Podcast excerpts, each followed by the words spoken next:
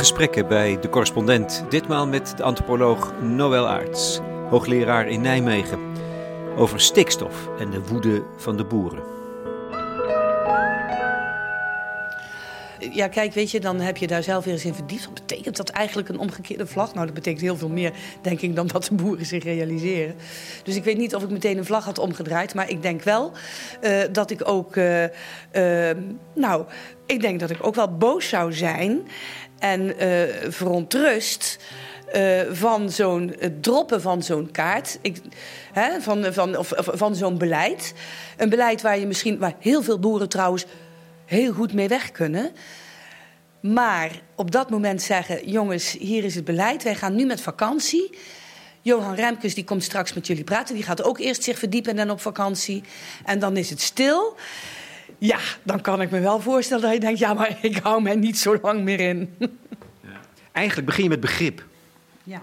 En is dat niet heel wezenlijk? Is dat niet superbelangrijk om daar maar eens mee te beginnen? Als je, als je al ziet hoe lang die geschiedenis duurt? Ja, dat vind ik sowieso. Als mensen boos zijn, dan is dat eigenlijk een ultiem, ultieme communicatie. een psychiater zou er vaak jaloers op zijn als mensen zich zo zouden uiten. Dus het eerste wat je kijkt is van waarom ben jij boos? En ga proberen te begrijpen wat of er aan de hand is. En omdat ik mij natuurlijk al langer met deze materie bezighoud, kan ik mij daar ook wel heel veel bij voorstellen.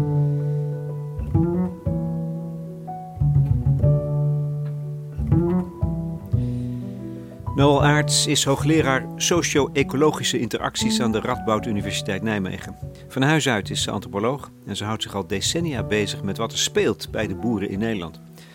Op 13 juli jongstleden publiceerde zij in de Volkskrant samen met Kees Lewis een opiniestuk over de stikstofcrisis. Samen stippelden zij een route uit die kan helpen om eruit te komen. En die route begint met begrip, snappen waarom de boeren zo boos zijn en wat we kunnen doen om hen, de natuur en onszelf te redden. Je kunt namelijk de boeren niet als enigen verantwoordelijk houden voor de gerezen problemen. En er is nog een tweede reden om met Noël Aarts te willen praten. Wij hebben het steeds over de boeren, alsof dat één groep is, een homogene groep. In werkelijkheid zijn het allemaal verschillende facties met verschillende belangen. Wie zijn zij? Is dat landschap in kaart te brengen? En helpt ook dat misschien om te weten hoe we ermee om moeten gaan. De deuren naar de bloemenrijke tuin staan open, het regent zachtjes. Zeg, Jij kent de boeren goed, hè? Heeft de overheid jou eigenlijk geraadpleegd over die gewraakte stikstofplannen? Nee, dat hebben ze niet gedaan. Want dan had ik zeker weten gezegd: niet doen die kaart. Niet doen. Want dat weten we eigenlijk al lang. Mijn allereerste onderzoek naar de communicatie tussen overheid, boeren en natuurbeschermers. Dat was naar aanleiding van het natuurbeleidsplan. Het eerste natuurbeleidsplan wat in 1990 verscheen. En daarin hadden ze ook een kaart. Een kaart met daarop de, wat ze toen noemden de ecologische hoofdstructuur. Dus dat was een structuur in Nederland van aaneengesloten uh, natuurgebieden wilden ze maken, zodat de otter bij wijze van spreken van Groningen naar Zeeuws-Vlaanderen kon, uh, kon zwemmen. Hartstikke mooi plan. Maar die boeren die keken meteen van, lig ik in die structuur of niet? Want een beleid wordt nooit bekeken door mensen, ook niet door jou en mij van hè, in eerste instantie van waarom doet de overheid dit beleid, maar wat betekent het voor mij? En, en want hoe reageerden ze toen? Toen waren de boeren, nou, dus meteen kijken van lig ik erin of lig ik eruit. Toen zei de overheid, maak je niet druk, want het is vrijwillig om er iets te doen aan dat natuurbeleid of niet. Dat was toen nog vrijwillig. Maar in zoverre had die kaart, wat wij dan noemen, die had agency, die, die, die, die had werking op zichzelf. Want door die kaart was meteen uh, land binnen de uh, hoofdstructuur uh, van mindere waarde en minder gemakkelijk verkoopbaar. Logisch, hè? Ben jij toen meteen met ze gaan praten ook? Nou, ik, met, met de boeren bedoel je? Ja, voor dat onderzoek ben ik meteen gaan praten, want dat was de bedoeling. De vraag van de overheid, dat was een onderzoek. Ik werkte toen in Wageningen, Wageningen Universiteit. Dat was van, goh, we hebben een natuurbeleidsplan. En uh, wij zijn heel benieuwd wat de boeren daarvan vinden. Want we hebben de boeren wel nodig voor de uitvoering daarvan. Dus wil jij dat gaan uitzoeken? Dus ja, ik ben onmiddellijk het land ingetrokken. En ben met uh, allerlei verschillende type boeren gaan praten over het natuurbeleid van de overheid. En wat ontdekte je dan toen? Nou, dan ontdek je eigenlijk in de eerste plaats dat er heel veel verschillende boeren zijn. Ik bedoel, je hebt melkveehouders in Friesland, varkenshouders in, uh, in Brabant, je hebt tuinders in het Westland en van alles en nog wat. Grote boeren, kleine boeren, noem het allemaal maar op. Maar over dat natuurbeleid, daar waren ze eigenlijk vrij eensgezind. Het woord boer kwam in dat plan niet voor. En in de uitvoering ging het alleen maar over die boeren. En toen kwamen ze eigenlijk ook voortdurend zeggen: ja, we moeten toch die natuur sparen. En toen bleek al meteen: ja, maar boeren die hebben van alles met natuur. Kunnen wij om lachen? Maar dat is natuurlijk wel een hele serieuze aangelegenheid. Alleen ze waren er niet in gekend en dus waren ze toen al boos. Toen waren ze boos omdat dat natuurbeleidsplan ook directe gevolgen had voor hen. En los nog van de directe gevolgen was het ook enigszins de dreiging. Van wat hangt ons nu weer boven het hoofd. En weet je wat ook toen al was? Dat is dus 30 jaar geleden. Hè? Het was voor hun toen letterlijk, zeiden ze, de druppel die de emmer met overheidsbemoeienis deed overlopen. Want ze hadden te maken met quota, ze hadden te maken met allerlei regels rondom dierenwelzijn. Ze hadden te maken met allerlei milieuwetgeving. Ze moesten in ene gaan injecteren, noem maar op. Los van, ik bedoel, ik vind het allemaal hele goede doelen hoor, laat ik daar duidelijk over zijn. Maar voor die boeren was dat wel op een gegeven moment hè, van uh, milieumaatregelen. Wij moeten naar de bank om uh, te investeren om daaraan te kunnen voldoen. Een paar jaar later nieuwe maatregelen enzovoort. Dus dat was wel een beetje het begin van een, voor, vanuit het perspectief van de boeren, een hele bittere weg. Dus er zit iets tragisch in, als je naar de geschiedenis kijkt. Is dat het misschien? Het zijn autonome mensen, sterk, zijn gewend om te overleven op hun eigen manier, onafhankelijk, vrij. En eigenlijk is dat alles wat ze tot boer maakt, zie je stap voor stap afgenomen worden. In de algemene zin dan, hè? Ja, dat is, dat is zeker aan de hand. En dan is er ook nog hè, de boerentrots van vroeger. Hè. Wij zorgen ervoor na de, hè, na de Tweede Wereldoorlog van... nooit meer honger was de slogan. En wij gaan dat fixen. Mansholt die heeft dat uber succesvol gedaan. Hè? Ja, is Sikko Mansholt de man die bedacht dat die keutenboertjes... dat moest maar afgelopen zijn, ze moesten groter worden? Precies. Wij moeten efficiënt en, uh, en effectief gaan boeren. Dus er was schaalvergroting, er kwam ruilverkameling, er kwam een dienst, landbouwkundig voorlichting. De, de, de, de voorlichting was uh, sowieso heel nauw gelieerd aan het onderzoek in Wageningen en aan het beleid. Voorlichting, onderzoek, beleid, dat noemden ze de gouden driehoek. Hè. En dat was heel succesvol. De boeren hebben dat toen. Die zijn gaan schaalvergroten. Die zijn gaan kiezen voor één tak. Want dat gemengde bedrijf dat moest ook ophouden. Efficiency, dat was eigenlijk. Um, nou, dat was het allerbelangrijkste. Daarmee werden de boeren ook steeds afhankelijker. Want voor die schaalvergroting moesten ze ook naar de bank. En de bank zei: Nou, wij hebben alle vertrouwen in dit model. Dus ze kregen grote leningen. Dus die autonomie waar boeren nog steeds heel erg aan hechten, die is eigenlijk al lang niet meer. Dus dat is ook al vrij tragisch. En gaandeweg is het imago van die boeren, van jullie zijn de redders. En dankzij jullie hebben wij, zijn wij verzekerd van goedkoop en goed voedsel. Is dat een beetje uh, veranderd in boeren zijn. Uh, milieuvernielers, natuurhaters, die maken het land kapot. Dat zijn uh, subsidieslurpers. Nou, wat, wij noemen dat framing, dat zijn geen neutrale termen. Dus wat al niet komt op die boeren af. En daar word je natuurlijk ook hoogst ongemakkelijk van. Naast het feit dat die boeren zich doorlopend in de afgelopen decennia in hun bestaansrecht bedreigd voelen. En dat is ook geen grapje, dat is ook echt waar. In de afgelopen decennia is het aantal boeren meer dan gehalveerd. En het zijn niet de kleine die overgebleven zijn, hè? Honderdduizenden boeren zijn verdwenen. Ja. Dus dat zie je om je heen gebeuren. Dus dus dat probeer ik me even te verplaatsen in het gevoel dat je hebt als je nu nog boer bent. Ja. Dat is een soort bijna de laatste der Mohikanen gevoel ja. of zo. Jazeker. En dan is het natuurlijk ook zo. Kijk, vroeger was eigenlijk de hele samenleving agrarisch. En als je al zelf geen boer was, dan kende je wel een boer. Of dan was je oom een boer. Of dan had je daar in ieder geval mee van doen. En nu begint dat dus steeds, uh, steeds meer af te kalven. En mensen, en dat, kijk, die boeren die er nu nog zijn, niet allemaal, maar heel veel daarvan, die zitten op een boerderij die al generaties lang in de geschiedenis is. Het voelt ook heel erg als falen. Ik bedoel, je kan het wel allemaal op alles afschuiven. Maar voor heel veel boeren voelt het als falen dat zij degene zijn die het licht uit moeten doen. Hè? Dus die identiteit van boeren, daar moet je echt niet onderschatten. Weet je, dat is het mentale, het sociaal-psychologische verhaal. Ik, Terwijl je tegelijkertijd, dat wou ik ook nog namelijk benadrukken... als je nu nog boer bent, dan heb je keihard gestreden. Ja. Misschien is dat ook een gevoel dat je niet moet onderschatten eigenlijk. Nou, dan heb, je, dan heb je keihard gestreden. Of dan heb je in ieder geval ook al die jaren gedaan wat de overheid ook zei dat je moest doen. En nou moeten we de andere kant op. En dat moet ook, hè? Dat moet ook.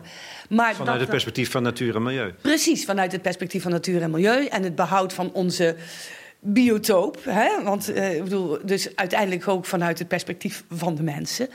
Moeten wij niet alleen de landbouw veranderen, we moeten heel veel meer veranderen. Maar nu ligt die landbouw wel heel erg in het vizier. En dat geeft vaak ook het gevoel van. Moeten wij nou al die problemen oplossen? Zijn wij nou de enige die worden aangepakt? dat gevoel heerst ook nog eens een keer.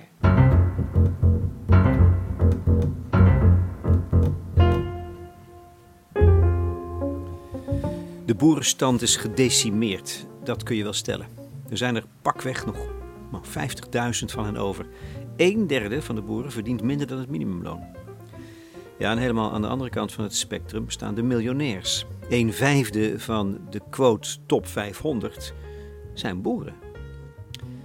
Die getallen geven al een beeld. Ik vraag aan Noël Aarts, socio-ecoloog, om een kaart te schetsen. Kun je de boeren verdelen in een paar groepen, hoofdgroepen? Hoe ziet dat landschap eruit? Hoe groot zijn die verschillende facties?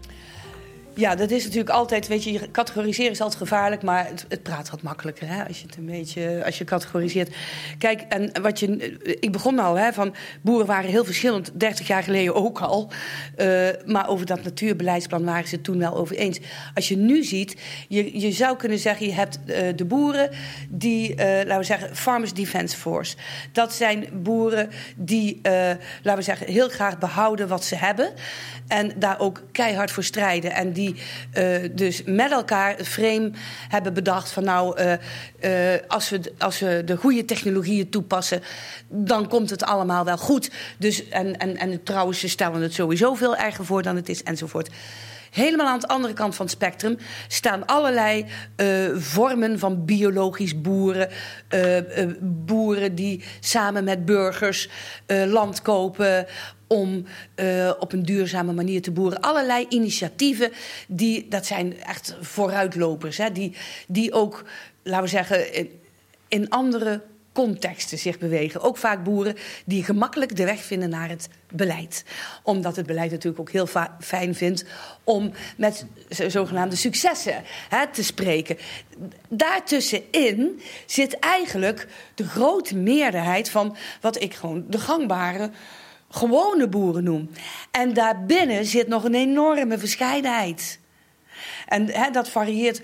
Als je bijvoorbeeld kijkt, al deze gangbare boeren, hè, dat weet ik ook, onder meer uit mijn betrokkenheid bij onderzoek van de Raad voor Leefomgeving en Infrastructuur, wat wij vorig jaar hebben gehouden om, uh, om te kijken van hoe gaan boeren met hun toekomst om. En dan hebben wij uh, gangbare boeren geïnterviewd, hè, in focusgroepen gezet, dialogen meegevoerd. En dat waren heel verschillende boeren ook. Dat varieerde van um, hele grote uh, boeren die voor de wereldmarkt produceren in de Wieringenmeer, tot aan boeren die zich hadden losgerukt van uh, de bank en biologisch en zelfstandig, echt autonoom weer waren begonnen. Maar wat al die boeren met elkaar gemeen hadden, dat was dat ze uh, allemaal. Wij vroegen hen eigenlijk twee vragen. Eén, waar staat jouw bedrijf over vijf jaar?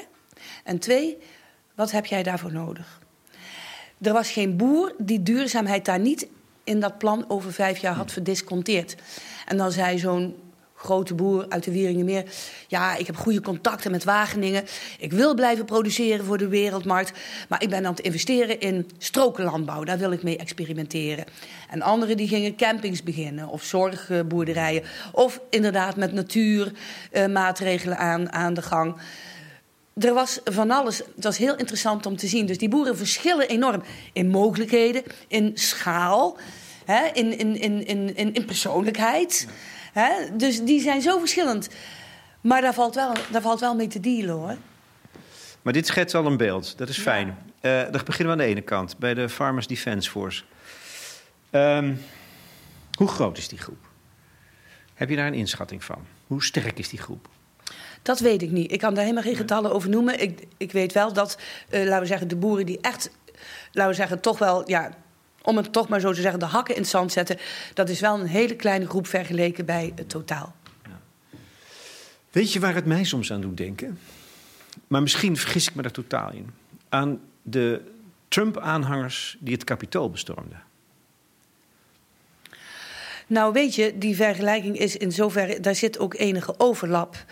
Want uh, als wij kijken naar de protesten van boeren, dan moet je ook niet vergeten dat daar ook niet-boeren bij zitten. En dat zijn mensen die, net als de boeren, zich niet gehoord voelen en gezien voelen door de huidige politiek en beleid. En dat is iets, en dat geldt eigenlijk ook voor een hoop Trump-aanhangers, die je, denk ik, ook niet over één kam kunt scheren. Hè? Dus, en ik denk dan van je kunt dan ook vanuit het idee het verschil tussen gelijk hebben en gelijk krijgen. Hè? Uh, dat, dat, dat refereert ook naar waarheden als zodanig. Met deze mensen, die kun, daar kun je niet omheen. Daar zijn er heel veel van op dit moment. Niet alleen in Nederland, maar in de hele wereld. Maar het is een soort harde kern. De F-site van de, van de boeren. Ja, nou, een, van de boeren, ja.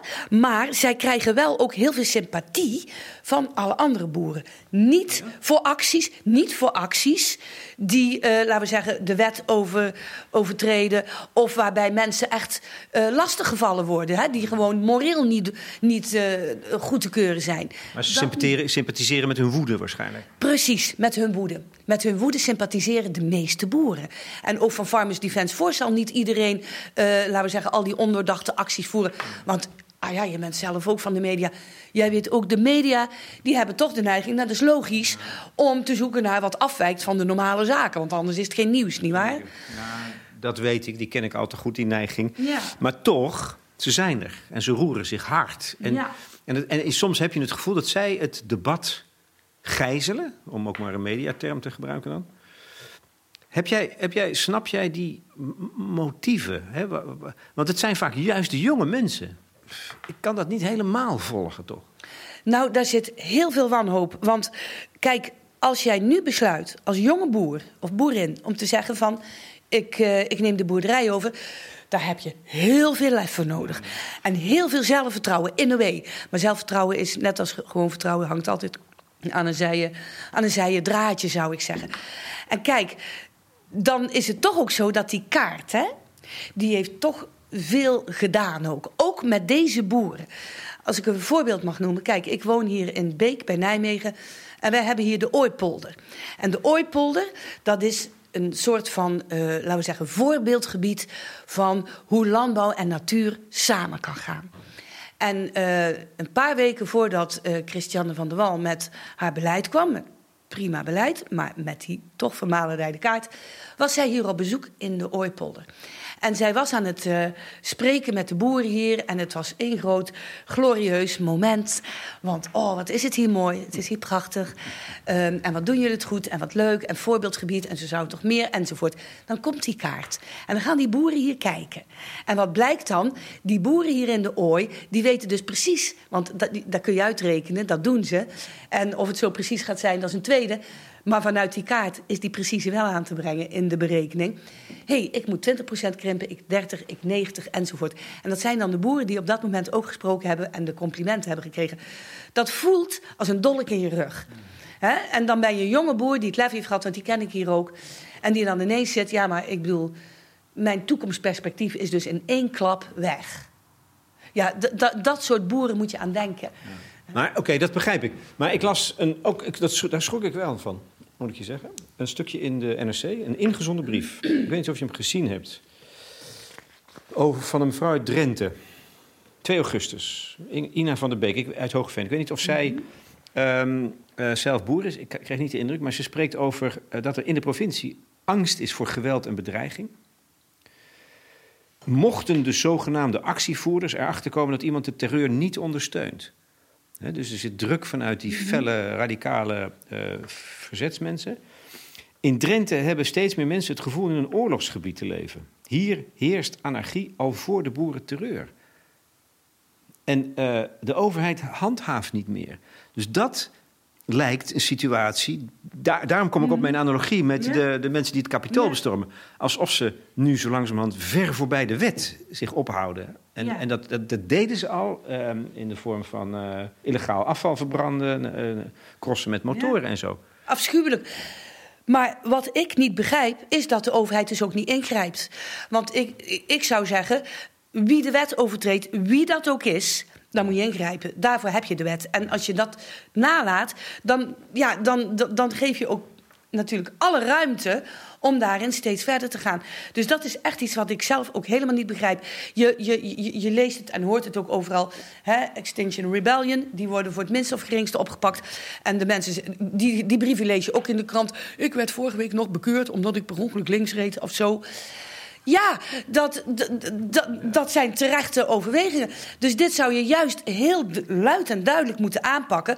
En vervolgens, tegelijkertijd, moet je met mensen... en hè, mensen die de wet overtreden, moeten gestraft, klaar uitzitten.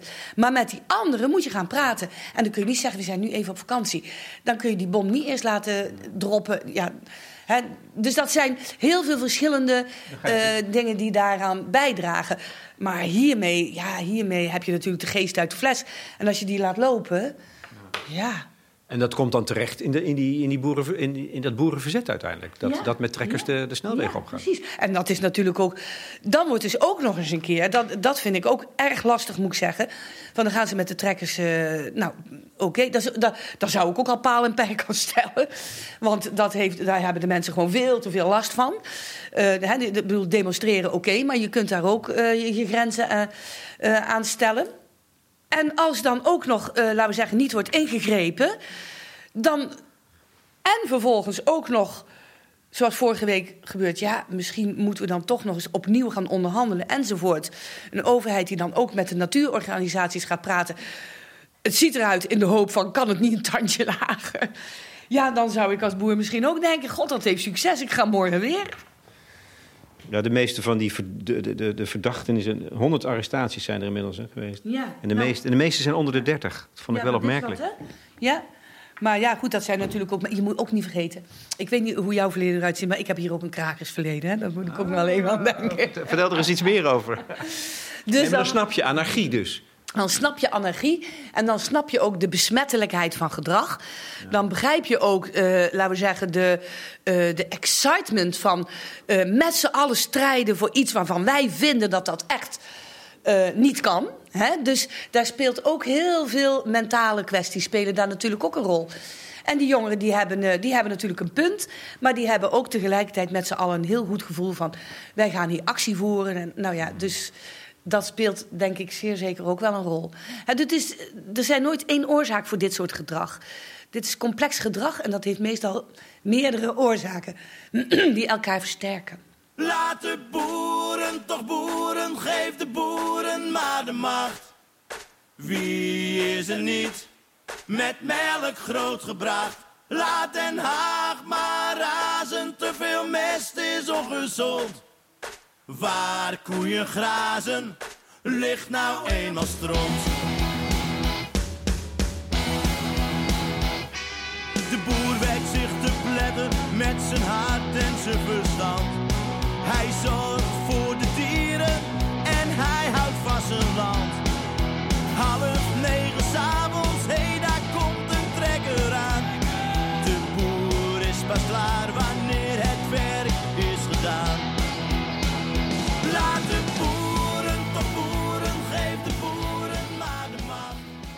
Je zette net die groep tegenover de, nou ja, misschien wel duizenden uh, biologisch dynamische boeren die, die, die de overgang hebben gemaakt, die nog klein zijn. Daartussen zit een heel groot gebied. Maar één groep noem je niet. Viel mij op. En dat is die van, de, van wat we tegenwoordig bijna noemen de multinationals. De agribusiness. Ja. De ja. miljardenbedrijven. Ja. Ja. En men zegt dat is de sectie die dat felle, radicale verzet financieel steunt. Ja. Dat, dat is toch een hele belangrijke speler in dit veld?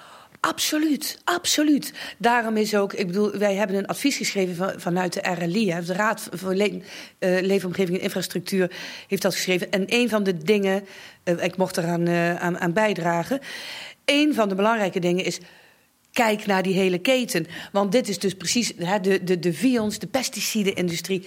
Kijk, dat zijn natuurlijk uh, de grote spelers die enorm gebaat zijn met, uh, laten we zeggen, uh, het behoud en het verder ontwikkelen van intensieve landbouw. En dat is natuurlijk haaks op wat hier aan de hand is. Uh, maar, maar dat is dan toch de eigenlijke vijand? Absoluut, de eigenlijke vijand. Daarom, daarom zijn die boeren ook heel de meeste boeren meer slachtoffer als dader in deze. Hè? Dus dat, plus de supermarkten. Hè? dus je hebt al die ketenspelers, de supermarkten... die ook niet met Remkes willen komen praten. Hè? En je hebt de banken, de banken die dit jarenlang hebben gefinancierd. Hè? Probleemloos, terwijl biologische boeren... Hè, amper iets gefinancierd krijgen. Dus daar zitten allerlei spelers omheen. Kijk, het is een systeem. En een systeem dat in stand wordt gehouden door heel veel verschillende partijen. En schakelen onszelf niet uit. Wij als consumenten. Elke keer als wij naar de Albert Heijn gaan of naar een andere supermarkt om ons eten te kopen, dan dan, laten we zeggen, reproduceren wij actief dit bestaande systeem. Lekker goedkoop eten. Hè? Dus allemaal met z'n allen houden wij dit systeem in stand. En daarom moet ook iedereen zijn bijdrage leveren. En kan ook iedereen zijn bijdrage leveren om dit systeem uh, te veranderen. En dat kunnen we niet alleen bij de boeren leggen. Dat, vind, dat, dat is echt ook heel erg belangrijk. Dus het is goed dat je het aansnijdt. Ik vind dat heel erg belangrijk. Ik vind dat lastig. Want aan de ene kant worden het nog boeren genoemd. Um, en en uh, een vijfde van de top 500 van de quote, dat is nu het soort van het, het icoon geworden, is boer. Is dus een schatrijke boer, miljonair. Um, maar moet je die nog wel tot die boeren rekenen? Of zijn dat gewoon, is dat gewoon groot kapitaal geworden? Uh, in de vorm van multinationale bedrijven, waar, hele, waar, waar het dus echt niet meer gaat om natuurbeheer en zorg om milieu en weet ik veel wat. Nee, die zijn er natuurlijk ook. Je hebt hele, groot, maar hele grootschalige boeren. Uh, maar nogmaals, ook die zijn bereid om te verduurzamen. Maar dan hebben die veel meer geloof vanuit hun he, uh, belang, zeg maar, in technologische oplossingen. Je hebt natuurlijk ook, zoals je binnen iedere branche hebt, de allergrootste die bij wijze van spreken over lijken gaan om hun, laten we zeggen, hun bedrijf en alles veilig te houden. En liefst nog uit te breiden. Ja, dat, zijn niet de mensen, dat zijn de mensen die dus ook bewust niet met Remkes gaan praten. Precies, en dat is dus ook heel lastig. En dat is een hele lastige dat, uh, dat deze grote partijen, nou ja, wat, wat ik zeg, die grote boeren, die, uh, de toeleveringsindustrie, de agrobusiness, de supermarkten, ja, die weigeren aan tafel te komen. En dan kun je ook afvragen, hoe is dat mogelijk? Voelen, die, voelen die dan niet zich op een of andere manier ook afhankelijk van uh, politiek en beleid in wat ze doen? Nou, kennelijk niet. Dus dat is eigenlijk ook een partij die de hele kwestie in, in een soort greep houdt. Ja. En misschien niet meer tot de boeren gerekend moet worden. Dat, is, dat zou misschien wel. Misschien moet je die er dus buiten zetten. Maar dat, dat verheldert het beeld wel, terwijl er een ongelofelijke invloed van uitgaat. Ja, ik zou dat ook geen boeren noemen. Hè? Dat zijn met andere partners in de keten zijn dat... Sommigen zijn wel boeren of zijn, zijn er... Er zijn er een, een, een klein aantal zijn ook boeren. En er zijn natuurlijk ook wel mensen die hebben een dubbele pet op. Die zijn er natuurlijk ook. Maar ik vind het belangrijk eigenlijk om... Daar moet aandacht naartoe, daar zou absoluut... absoluut. Maar als we het hebben over Uh, waar het nu over gaat, van uh, uh, hoe kunnen wij ervoor zorgen met z'n allen dat we hier um, de stikstof reduceren, maar liefst ook, laten we zeggen, de klimaatverandering aanpakken en de biodiversiteit herstellen enzovoort. Dus integraal beleid, waar heel veel boeren ook voor pleiten. Omdat ze weten, als wij dit jaar investeringen doen voor de stikstof, staan ze over vijf jaar of over twee jaar voor het klimaat op de stoep. Ja, voor het water of de bodem. En voor water en voor alles. Dus, dus pak het nou integraal aan. En dus mijn aandacht en gaat eigenlijk veel meer uit naar die, naar die grote groep boeren. die dus hier uh, grondgebonden zitten te werken. En die, van, wie je dus, ja, van wie je dus eigenlijk um, veranderingen kunnen en mogen verwachten. Uh, om deze zaken aan te pakken, mits zij door een overheid goed worden, uh, laten we zeggen, gestimuleerd en vooral ook gefaciliteerd. Maar je krijgt eigenlijk steeds meer gaandeweg dit gesprek, uh, nou wel, steeds meer begrip voor hun onmogelijke positie. Want je hebt die, die radicale vechtjassen, de raddraaiers, je hebt dat groot kapitaal. Daar ja. zijn zij minstens zo sterk de dupe van, in feite. Absoluut. Maar hoe moet je dat, hoe moet je dat als het gaat om die stikstofkwestie, aanpakken? Is het zo dat je daar een kans hebt vanuit Nederland of Europa om de subsidiestromen te verleggen? Want dat is volgens mij misschien wel eh, het meest onbegrijpelijke in die kwestie. Dat precies die agribusiness ja, wordt het meest financieel gesteund.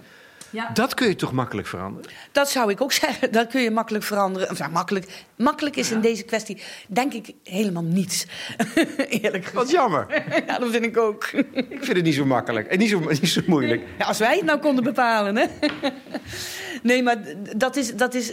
Maar ik zou ook zeggen: van zorg dat je dus de subsidies voor de landbouw.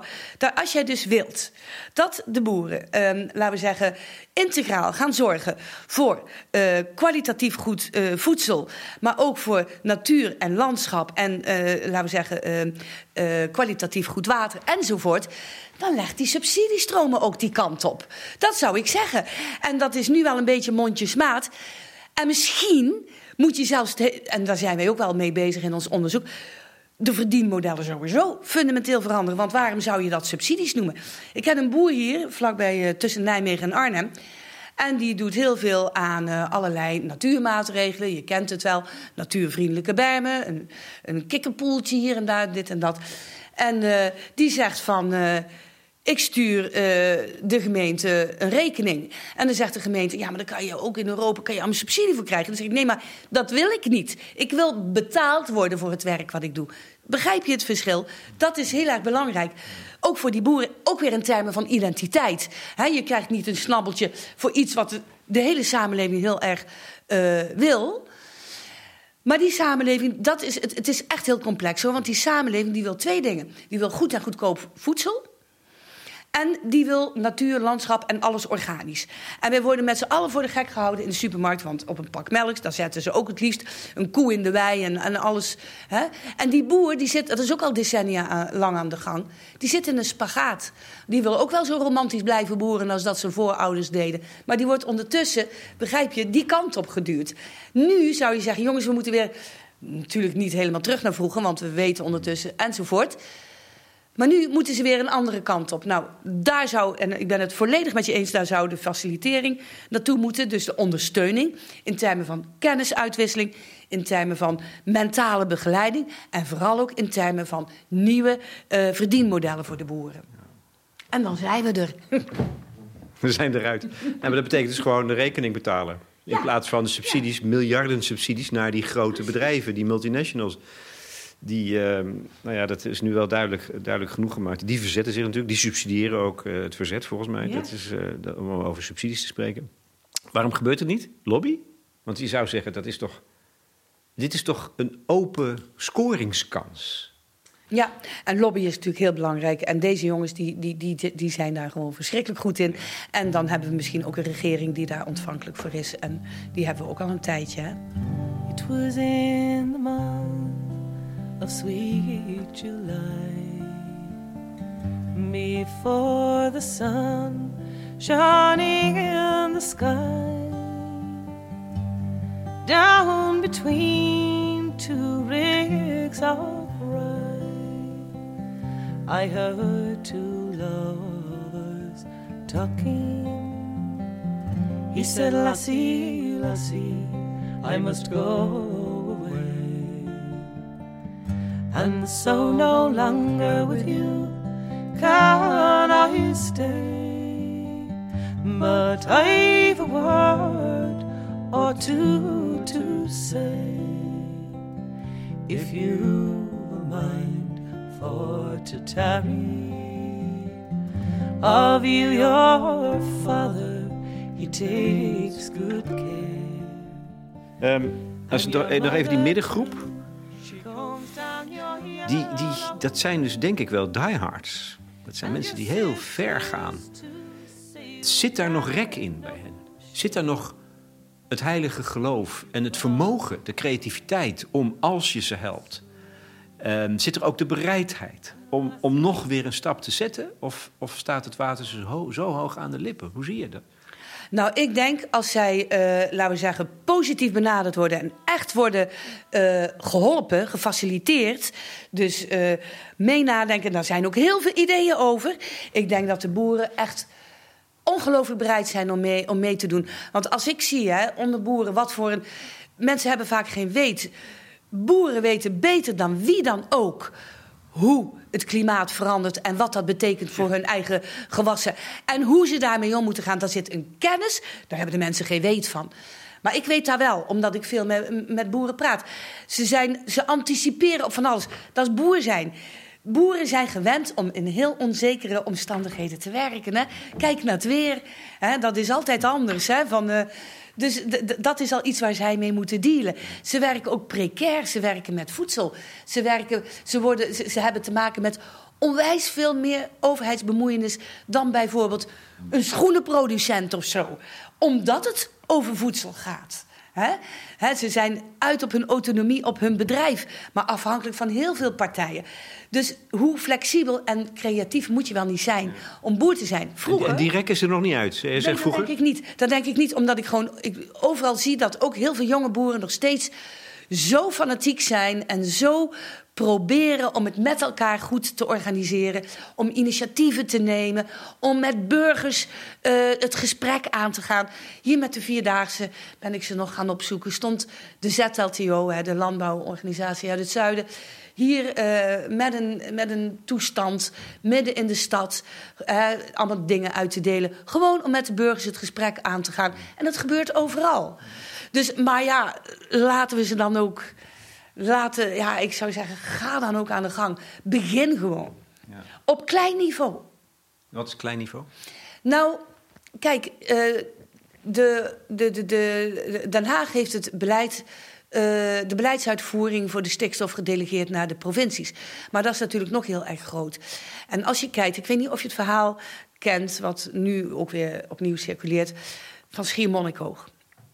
In Schiermonnikoog daar heb je een aantal boeren, ik zeg het heel kort, uh, een beetje kort door de bocht misschien ook. En die zijn al een aantal jaren geleden ook door hun eigen wethouders enzovoort, eigen politiek en beleid gezegd: jongens, die stikstof moet hier echt minder, want schier, schier was echt een probleem. En die boeren die zijn tegen wil en dank met elkaar aan de slag gegaan. En dat heeft heel veel jaren gekost. En er is heel veel uh, modder gegooid en kommer en kwel geweest. Maar weet je, het is er gelukt. Zij hebben gewoon met elkaar gezegd: dit moeten wij reduceren. Het doel was duidelijk. Dat is ook wat boeren heel graag willen. Zeg me wat. En die zijn met elkaar gaan kijken... hoe kunnen wij dat uh, realiseren? En wat heeft dat voor gevolgen voor die boeren op bedrijfsniveau? Want dat is wat boeren willen. Wat, wat kan ik doen op mijn bedrijf? Wat moet ik doen? En hoe ga ik dat doen? Help mij. Dat is wat ze willen. Nou, uiteindelijk zijn ze daar, uh, hebben ze dat met elkaar gedaan. Eén boer zei, nou weet je, ik doe de helft van mijn koeien weg, want ik kan dan dat. Een ander zei, nou, ik doe 20 procent. Nou, alles bij elkaar hebben ze die doelstelling meer, meer, meer dan gehaald. Dat is een voorbeeldproject. Niet dat dat project over uh, rozen ging, helemaal niet. Maar we kunnen er wel van leren. En dat vind ik mooi. En dat zou ik hier bijvoorbeeld in de Ooipolder.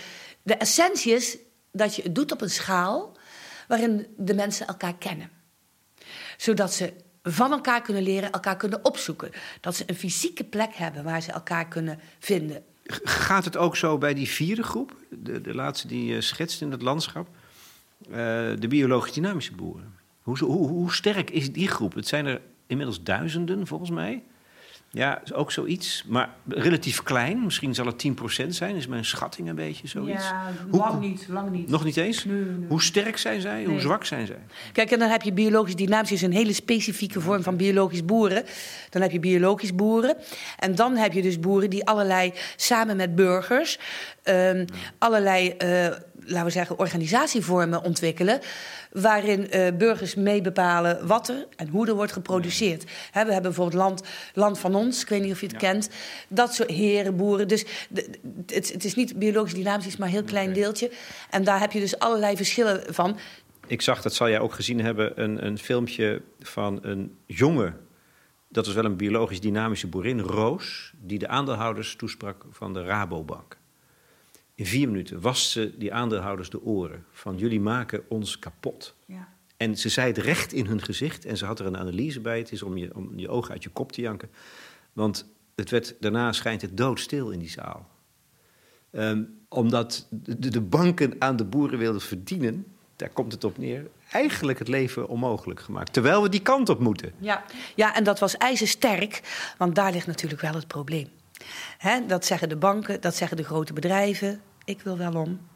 Maar mijn aandeelhouders enzovoort. En eigenlijk zouden bedrijven gewoon en banken ook moeten, de guts moeten hebben. Zijn natuurlijk ook die dat doen. Om te zeggen van wij bepalen uh, wat die aandeelhouders, uh, wat onze aandeelhouders krijgen, laten we zeggen. En, en, en wij bepalen daar de kwaliteit van. Dat zou natuurlijk eigenlijk moeten gebeuren. Dus eh, dat was, nou ja, roos in de roos, zou ik zeggen. Want dat is precies waar het probleem ligt. En dat is natuurlijk uiteindelijk, ja, en dat zit ook hele grote woorden. Maar goed, dat is toch eh, de aard van ons kapitalistisch systeem. Wat natuurlijk eh, op deze manier grote gevolgen heeft. Maar dat is dan toch waar je op uitkomt, hè? Dat, Ja. dat, dat is de paradox. Dat kapitalistische systeem moet het Ja. klimaat zien te redden. Ja. En dat wil het kapi- kapitalistische systeem niet, want daar verdien je voorlopig niks aan. Nee, en dat is heel erg ingewikkeld, want dat is natuurlijk een, een, een, alles is ervan doordrongen, zou je kunnen zeggen. En als we dan Einstein moeten geloven, die zegt van ja, you can't change the system from within, dan word je natuurlijk heel verdrietig.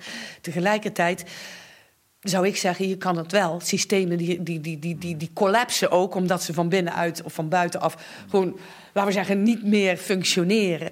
En eh, dus ik denk van, nou, er zijn eh, veel ook veel krachten in de samenleving die ook proberen om de aard van het kapitalistisch systeem toch, eh, laten we zeggen, een andere richting op te laten gaan. En kijk, alles, dat is het ook. Kijk, als een heel systeem eh, eigenlijk om moet, en dat is wat er nu aan de hand is, daarom spreken we van transitie en grote woorden ook weer. Maar een van de goede dingen is, is dat dus ook iedereen op elk niveau, groot en klein, een bijdrage kan geven. Niemand hoeft te zeggen, ja nou, ik ga dat maar niet doen hoor, want eerst maar die grote bedrijven. Nee, wij allemaal. En dat vind ik dan eigenlijk wel weer het goede nieuws. En aangezien gedrag besmettelijk is, heel besmettelijk, dat weten we uit onderzoek, hoort zegt het voort. En, laat, en dan vind ik een overheid faciliteren ook die burger. Door?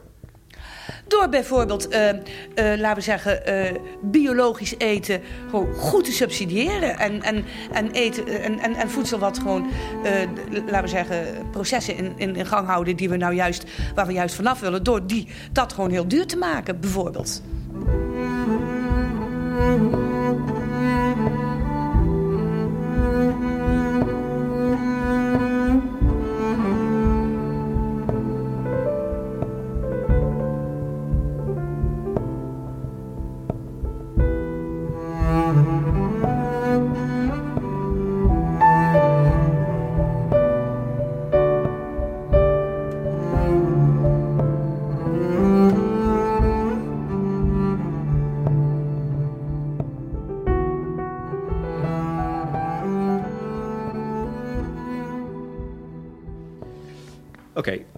Dit is het landschap.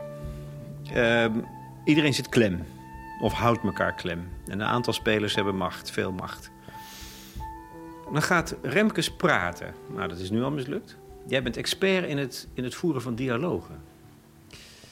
Zie jij ergens een opening? Wat er zou moeten gebeuren? Hoe, mensen dat, hoe we dat met z'n allen zouden moeten doen? Kijk, een dialoog, tegenwoordig wordt heel veel gesproken over dialoog. Hè? Van als we een probleem hebben, dan gaan we praten. En dan hebben we nog de, ik ga wel even met hem praten. Dat is een beetje. En als het probleem al te complex is, dan willen we tegenwoordig een dialoog. En op een of andere manier willen we nu allemaal ook dialoogtafels. Dat is een soort, ook weer een ontwikkeling. Ik- Maar een dialoog is een heel bijzonder, dat wil ik echt even helder stellen. Dat is een heel bijzonder gesprek. Want in een dialoog gaat het niet om winnen. In, in de discussie of een debat wel. We denken vaak dat dat die in de dialoog komt van uit elkaar gaan. Hè? Net als in discussie of divergeren. Maar dat is niet. Dat woord komt van dia, logos. En dia betekent door, vanwege, logos, het woord. Dat is al interessant. Het betekent iets heel anders. In een dialoog gaat het dus niet om winnen. In een dialoog dan gaat het erom dat je een gesprek hebt tussen andersdenkenden... waarbij het doel is die ander te begrijpen. Te begrijpen waarom die ander zegt en vindt wat hij zegt en vindt. En in zo'n proces... Hè, en zo'n proces, in, in een dialoog heb je respect voor die ander. Dan ga ik dus niet zeggen, ja, maar ik zal jou eens overtuigen. Nee, ik wil jou begrijpen. Ik vraag net zo lang door tot ik begrijp waarom jij zegt en doet wat je doet. Met respect. En dan, daarom is een dialoog is eigenlijk eerder werken aan een constructieve relatie. Als voorwaarde om vervolgens concrete oplossingen te maken. En dat is heel belangrijk, om, om je dat te realiseren. En die stap, werken aan constructieve relaties, die wordt dus inderdaad heel vaak overgeslagen. En daar is dat stikstofbeleid een, een exemplarisch voorbeeld ja. van. Ja, dus als, als Remkes de dialoog aangaat met, eh, met de verschillende partijen, dan, eh, dan, dan zou dat dus gericht moeten zijn op het construeren van goede relaties, zodat men met z'n allen stappen kan, kan gaan zetten. Dat zou die zich moeten realiseren. En dan gaat het er ook om dat iedere andersdenkende hè, uh, gehoord moet worden. Ervan uitgaande, dat is ook echt de antropoloog in mij, dat alle mensen die doen dingen vanuit een zekere logica. Dat hoeft niet jouw of mijn logica te zijn, maar er is een logica. En daar moeten we naar, naar op zoek. In gesprekken zie je dat wij nauwelijks vragen stellen. Ja, jij bent een journalist, jij doet dat. Hè? Maar uh, in zijn algemeen stellen mensen weinig vragen. Nee, tegendeel. De, de truc is, je wacht op het moment waarop je zelf in kan brengen... en je eigen verhaal kan gaan vertellen. De meeste gesprekken zijn monologen die elkaar afwisselen. Dat is best leuk soms, maar daar los je geen problemen mee op. Zeg maar, uh, Noël Aarts, hoe heb jij dat al geleerd? Die kunst van het dialogeren? Ik zou je één ding zeggen: van als ik zelf een hoge belang heb in een zaak, dan ben ik echt niet de beste in dialoog. Laat ik dat even voorop stellen. Hè? Dan, maar daarom zeg ik ook altijd: een goede dialoog, daar moet je niet van de betrokkenen zelf verwachten. Dat moet gefaciliteerd worden. Dat is al één. En ja, geleerd, geleerd. Ik wil mijn belangstelling en ook mijn ervaring ervoor. Die komt misschien wel, nou ja, uh, uit mijn jeugd. Ik kom uit een uh, gezin van uh, elf kinderen. Uh, ik heb zeven zussen en drie broers. En ik ben precies de middelste. En uh, er was natuurlijk ongelooflijk veel plezier bij ons, maar ook ongelooflijk veel ruzie.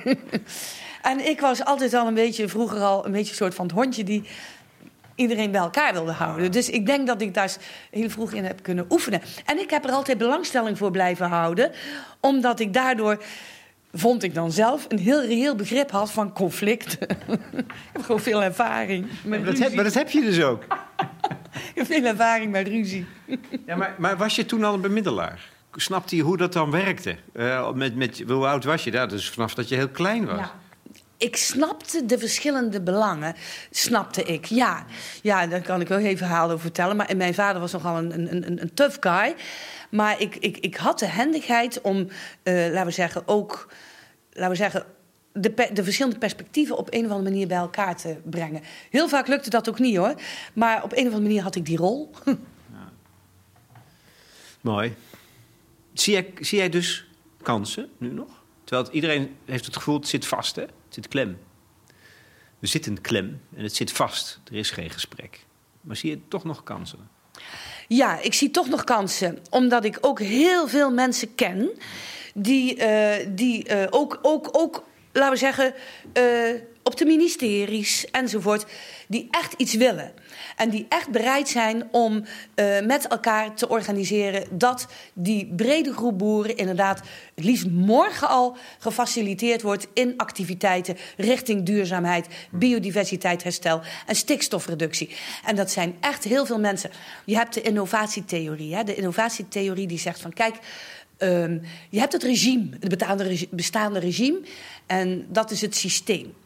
En om dat te innoveren hebben we allerlei zeg maar bottom-up initiatieven nodig. Die gebeuren ook. Dat noemen ze niches, niches van vernieuwing. En die moeten dan op een of andere manier een snaar zien te raken bij dat regime. En uh, heel vaak lukt dat niet. Heel veel innovatie on the ground mislukt. En, en, en ik zelf pleit er vaak voor om al die niches, als we die nou eens kunnen verbinden, zodat ze niet elk individueel het regime moeten ver, verslaan, maar zodat, ze samen een nieuw regime kunnen vormen. En ik geloof daarin. Als ik er niet in zou geloven, ja, dan zou ik hier ook niet met jou uh, dit gesprek meer aangaan. Misschien hebben we nog hardere crisis nodig. Hè? Dat zeggen ze in China ook. Uh, de Chinezen zeggen, crisis is kans, daar hebben ze volkomen gelijk in. En dat is niet zo leuk, maar dat brengt wel bewustzijn met zich mee. En soms ook verbazen we onszelf wat we kunnen. Dat hebben we gezien met de coronacrisis. Hè? Die, of ja, waar we misschien nog middenin zitten, maar waarvan we nu net even doen alsof die niet waar is. Maar iedereen stond verbaasd over de gedragsverandering van alle mensen. Hè? Uh, hoe mensen minder gingen vliegen, hoe dat allemaal ineens kon. We hebben er helaas op systeemniveau niet veel van geleerd. Maar misschien dat dat nog gaat komen. Als dat, ja, hè, dus ik, dat geeft het een boost. Maar alle redelijke mensen, en hè, om met jullie Rutger Bregman te spreken, de meeste mensen deugen ik denk gewoon dat als we met z'n allen een beetje gepoest worden... en als ook maar die overheid nou eens dit wat echt serieus zou aanpakken... want daar vind ik wel, daar ligt een hele grote bal. Ik denk dat je dus ook plannen nodig hebt. Grootse Ja. plannen. Ik heb twee jaar geleden, geloof ik, drie jaar geleden... met Imke de Boer gesproken. Die ken je denk ik van, Ja. de, van de Universiteit uit Wageningen. Eh, Voedselvisie 2050. Dat is echt een soort visioen bijna. Dan gaat alles op de schop in Nederland. In 30 jaar dus. Ehm, dat is aan de ene kant denk ik, ja, dat is zo ambitieus, dat kan niet. Tegelijkertijd kan ik me voorstellen dat juist zo'n plan, waarbij iedereen meedoet, steden, de burgers, Ja. de banken, de boeren, het gaat over de voedselvoorziening, het gaat over, over de natuur, dat je zoiets ook nodig hebt om al die kleine initiatiefjes, maar ook de banken en alle spelers eigenlijk mee te krijgen. Ehm, je zal het plan vast kennen. Ehm, eh, gebeurt daar eigenlijk dan iets mee? Of verdwijnt het dan toch ook weer in een soort la? En is het wachten over vijf jaar op het volgende visionaire wetenschapper die een schitterend plan presenteert? Dat is vaak heel lastig. Hè? Dat vind ik ook een grote frustratie. Vind ik zelf als wetenschapper ook een frustratie. Want je doet heel serieus onderzoek en eh er is heel veel werk. En je moet dan, dat moet sound, het moet goed gebeuren enzovoort. En je hebt het gevoel van nou, het is relevant enzovoort. En als ik kijk wat er in de afge... Wat, er, ja, dan ben ik een, een, een superkleine speler. Maar soms word ik droevig bijvoorbeeld van wat, wat er gebeurt inderdaad met mijn onderzoek. Dat kan ik niet eens verwachten. Maar ook inderdaad met grotere plannen. Ik heb het nu nog. De RLI heeft dat advies uitgebracht. Dat boeren met toekomst. Ik, ik, ik promote het omdat ik het gewoon een goed plan vind. Ook van ga aan de gang. En ik hoor er bijna niks van. En het is niet het enige plan wat er ligt. Er liggen veel meer plannen. Ja, en dat is dus, ja, daar ligt, ja, daar ligt wel de politieke wil. En nou, als we die nou eens met z'n allen ook goed zouden kunnen beïnvloeden. En dat zou ook moeten kunnen. Het was vanmorgen grappig, ik weet niet, de Volkskrant stond een stukje van de speld. En ik heb het hier liggen. Ja, pak het eens, ja. dus, eh, ik vond het wel geestig, want het speld, je kent het speld. Dat was gewoon flauwekul, hè, met Ja. grappen. Klimaatverandering. Burger wacht op bedrijven, bedrijven wachten op overheid, overheid wacht op burger. Ja, dat is de inertie ten top. En ja, dan denk ik van, ja, god, overheid, neem, doorbreek deze cirkel. En dit is een heel grappig stukje, maar het is tegelijkertijd ook heel erg waar. En jou zal het niet liggen. Ik denk soms wel hoe vreugdevol en simpel en vruchtbaar dat is. Ja. Die simpele beweging naar buiten gaan, fietsje nemen, autootje, Ja. weet ik veel wat. En daar in de wei met mensen gaan praten. Ja, ik denk dat dat, dat dat gewoon het allerbelangrijkste is. En dan, dan hoor je de verhalen. Dan hoor je ook waar mensen tegenaan lopen. Hè? Ik bedoel, eh, vanuit Den Haag wordt beleid gemaakt... wat vanuit eh, de beleidsmakers heel logisch is. Vaak ook heel goed bedoeld, enzovoort. Maar hier hoor je hoe op het bord... het beleid valt samen met ander beleid. Het valt samen in bepaalde contexten, enzovoort. En dan hoor je die verhalen. Ja, als die terugkoppeling of als, als, als dat gesprek beter zou worden gevoerd... ik denk dat dat heel erg zou helpen. Maar En het gaat ook over de kracht van het verhaal. Want je bent antropoloog en een antropoloog werkt met verhalen Ja. van individuele mensen. Ja, de kracht van dat, dat is ook zo. Van kijk, want weet je, ehm, dat is heel fundamenteel. Mensen denken in verhalen. Wij denken niet in cijfers en in eh, aantallen. Die zetten wij meteen om in, in een verhaal.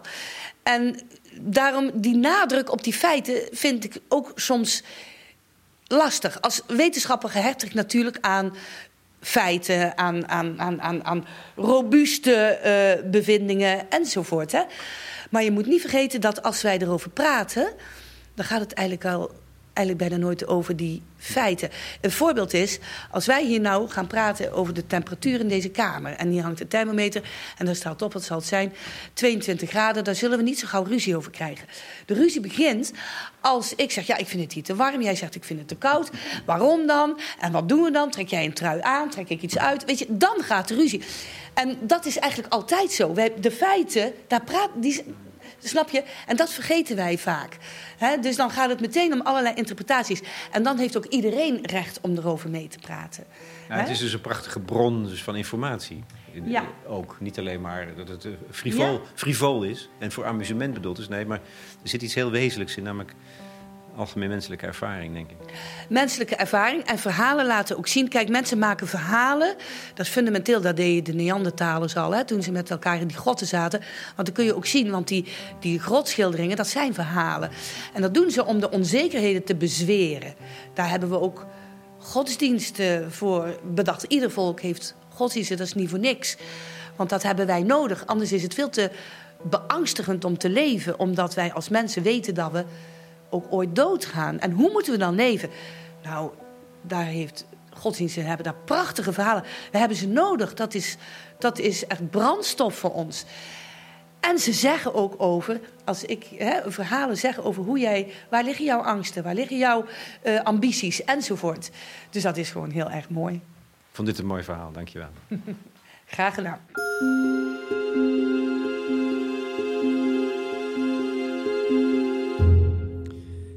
Noël Aarts, hoogleraar socio-ecologische relaties, eh, verbonden aan de Radboud Universiteit in Nijmegen, in gesprek met Lex Bolmeijer voor de correspondent. Dit blijft voer voor discussie uiteraard. Dat kan op onze website. De bijdragesectie is daar speciaal voor ingericht en die is toegankelijk voor leden. Over het lidmaatschap volgt zometeen nog een meerstemmige mededeling. Sommige mensen willen steeds weten welke muziek ik heb gebruikt. Een beetje van alles wat, divers. Ik gebruikte Boeren aan de Macht van de Suskes. Een liefdesliedje uit Ierland van Neve Parsons. Ik weet dat Noël Aarts dol is op Ierse volksmuziek. En Passo Doble, dat is een cd van Leszek Moscher, Poolse pianist. Samen met Lars Danielsen, eh, contrabassist. Omdat dat gewoon schitterende dialogen zijn.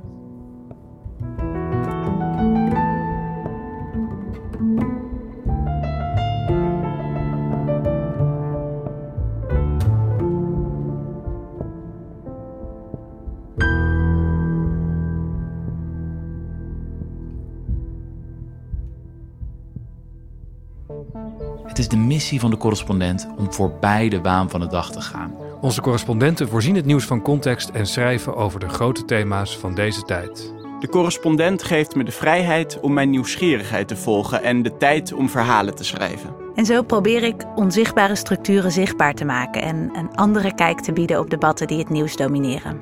Dan gaat het minder over het spelletje en veel meer over wat er op het spel staat. Vanaf dag 1 zijn onze artikelen, boeken en podcasts gefinancierd door onze leden. Volg ons op onze journalistieke zoektocht. Overweeg eens lid te worden van de correspondent. En maak daarmee samen met ruim 70.000 anderen onze onafhankelijke journalistiek mogelijk. Dus word lid van de correspondent. Ja. Word lid. Word lid.